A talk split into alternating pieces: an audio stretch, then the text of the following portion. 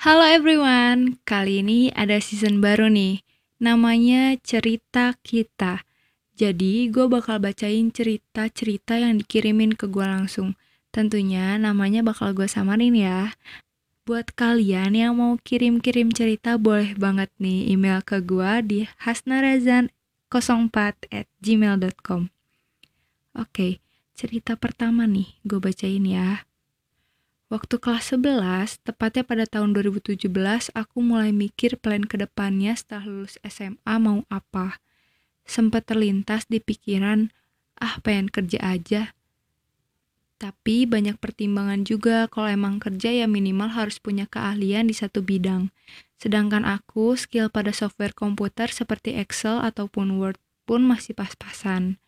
Kemampuan komunikasi kadang kalau ngomong dengan orang lain suka terbata-bata oleh karena itu, aku semenjak saat itu jadi sering baca buku, karena memang sebelumnya aku gak suka baca buku. Makanya ketika berbicara pun sering terbata-bata seperti kehabisan kosakata. Dari situ aku menyadari, wah ternyata aku ketinggalan jauh dari orang lain. Aku lihat ketika orang lain bercerita atau berbicara pada orang lain, lancar sekali dan intonasinya pas, enak didengar. Aku upgrade lah kemampuan berbicara aku lewat baca beberapa buku yang sedari waktu itu aku memaksakan harus suka baca buku dan akhirnya sampai sekarang. Alhasil, Alhamdulillah kemampuan bicara dan menulis aku meningkat walaupun hanya sedikit. Tapi setidaknya tidak terlalu memalukan. Nah, setelah pada tahun 2017, aku mulai mikir untuk upgrade skill. Aku pun mulai ada keinginan untuk kuliah dan awalnya aku ingin ambil jurusan teknik sipil, karena kakak aku pun dulunya jurusan teknik sipil, tapi sekarang ia sudah lulus dan sudah bekerja. Oke lanjut, setelah 2017 kelas 11 dia sekarang naik ke kelas 12, tepatnya pada tahun 2018. Aku pun mulai ngambis, belajar matematika, fisika, kimia yang memang sebelumnya aku nggak suka sama yang namanya matematika. Oke, btw aku jurusan matematika nih. Kalau gitu kita musuhan dong nih. Tapi aku maksain untuk belajar agar bisa lolos SBMPTN 2018.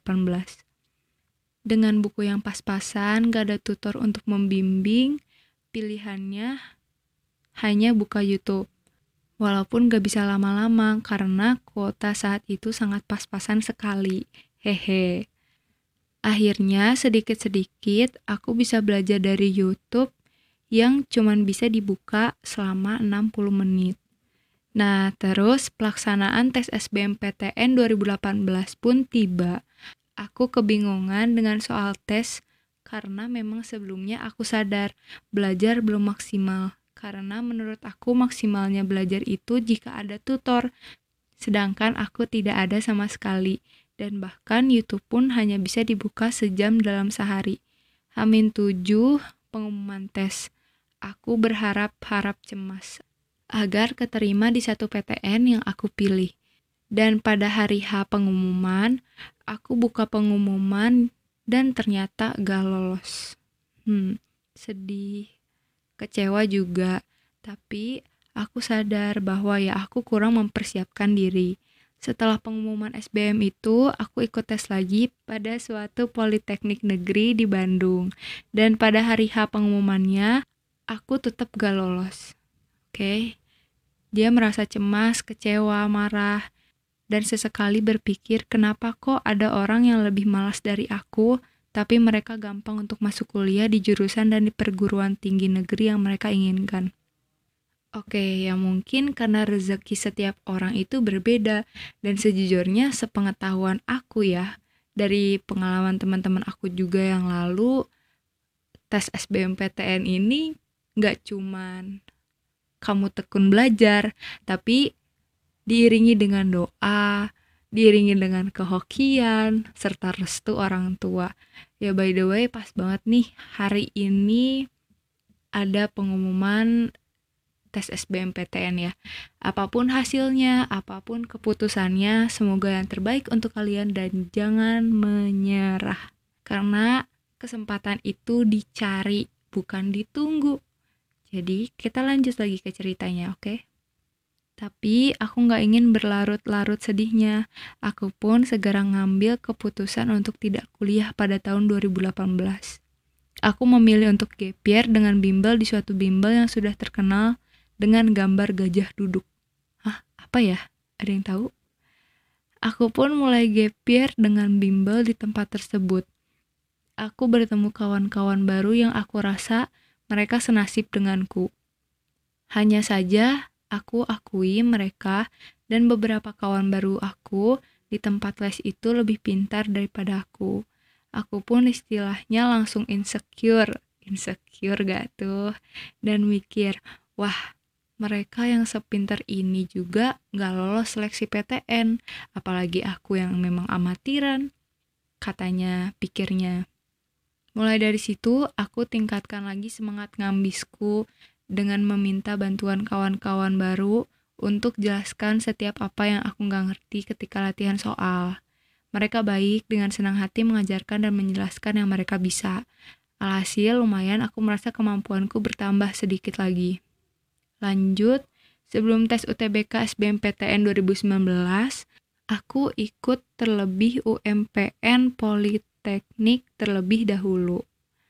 Setelah aku ikut dan aku dapat pengumumannya, ternyata aku keterima dan lolos di suatu politeknik negeri di Bandung dengan jurusan yang aku ingin dari sejak awal, yaitu teknik sipil. Tapi egoisnya aku, aku tetap ingin nungguin hasil SBMPTN dan sudah terlampau percaya diri akan keterima di SBMPTN.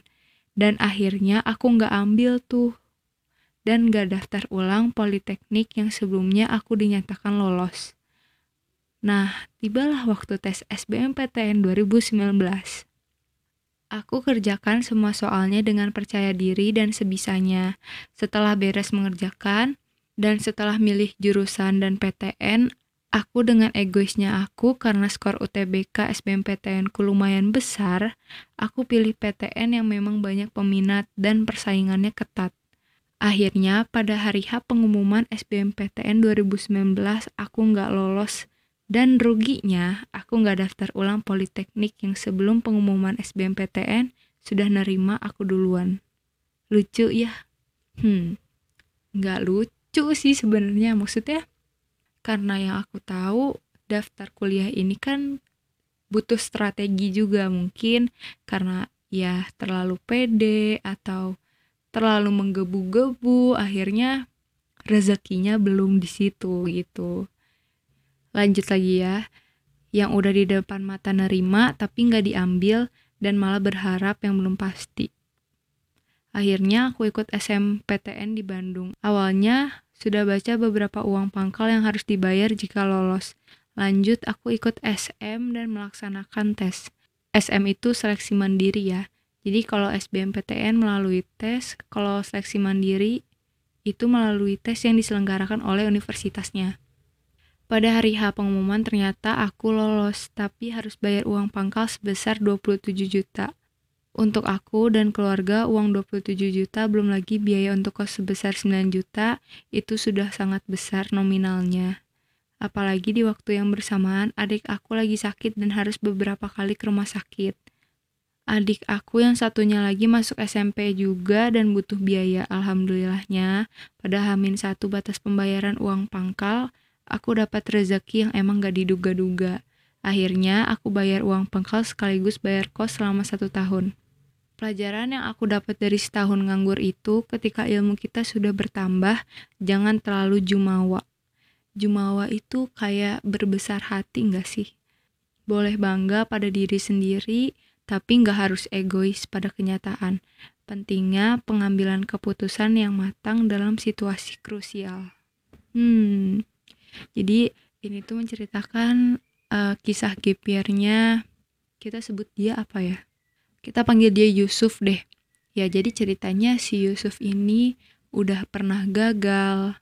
Jadi dia udah sempat daftar di PTN pada tahun 2018 ternyata dia nggak lolos karena memang persiapannya yang kurang pada akhirnya 2019 setelah dia bisa bimbel dulu latihan lagi lebih keras dan usaha lebih banyak, dia merasa pede, dia merasa sudah, oh oke okay nih, gue bisa gitu.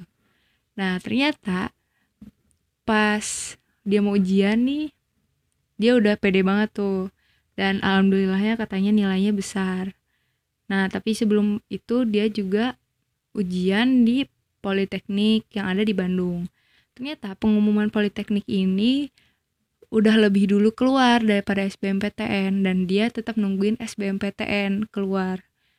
Ya wajar sih sebenarnya emang banyak orang yang kayak gitu gak sih kayak yaudah deh tadi dulu politeknik gitu gue masih ngarepin PTN nih semoga gitu semoga gitu nah salahnya dia mungkin dia karena sudah merasa pede itu dia uh, jadi dia kurang memikirkan strateginya. Pada akhirnya dia memilih PTN dengan jurusan yang peminatnya lebih banyak dan ternyata dia belum dapat rezeki di sana.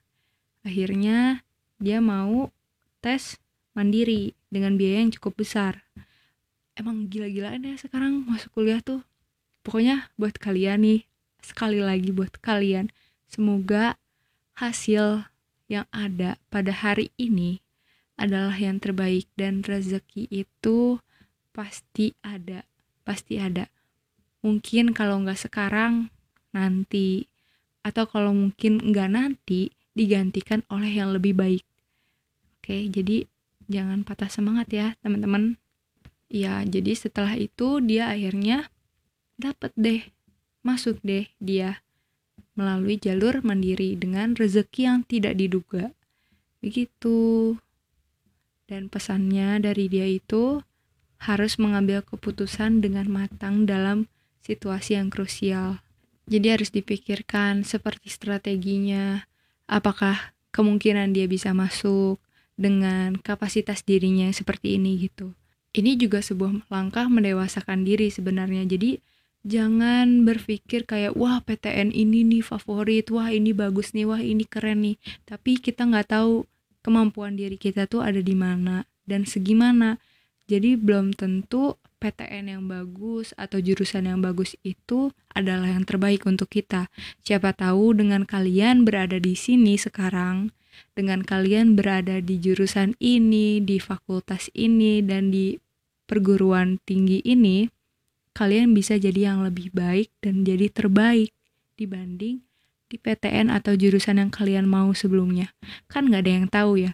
Kalau kalian merasa gengsi atau apa pun itu, nggak akan ada kemajuan dari diri kalian sendiri. Jadi lebih baik kalian mengembangkan diri kalian dengan posisi kalian sekarang dengan keadaan kalian yang sudah ada sekarang. Oke, semangat terus semuanya. Jangan lupa ditunggu cerita kita berikutnya.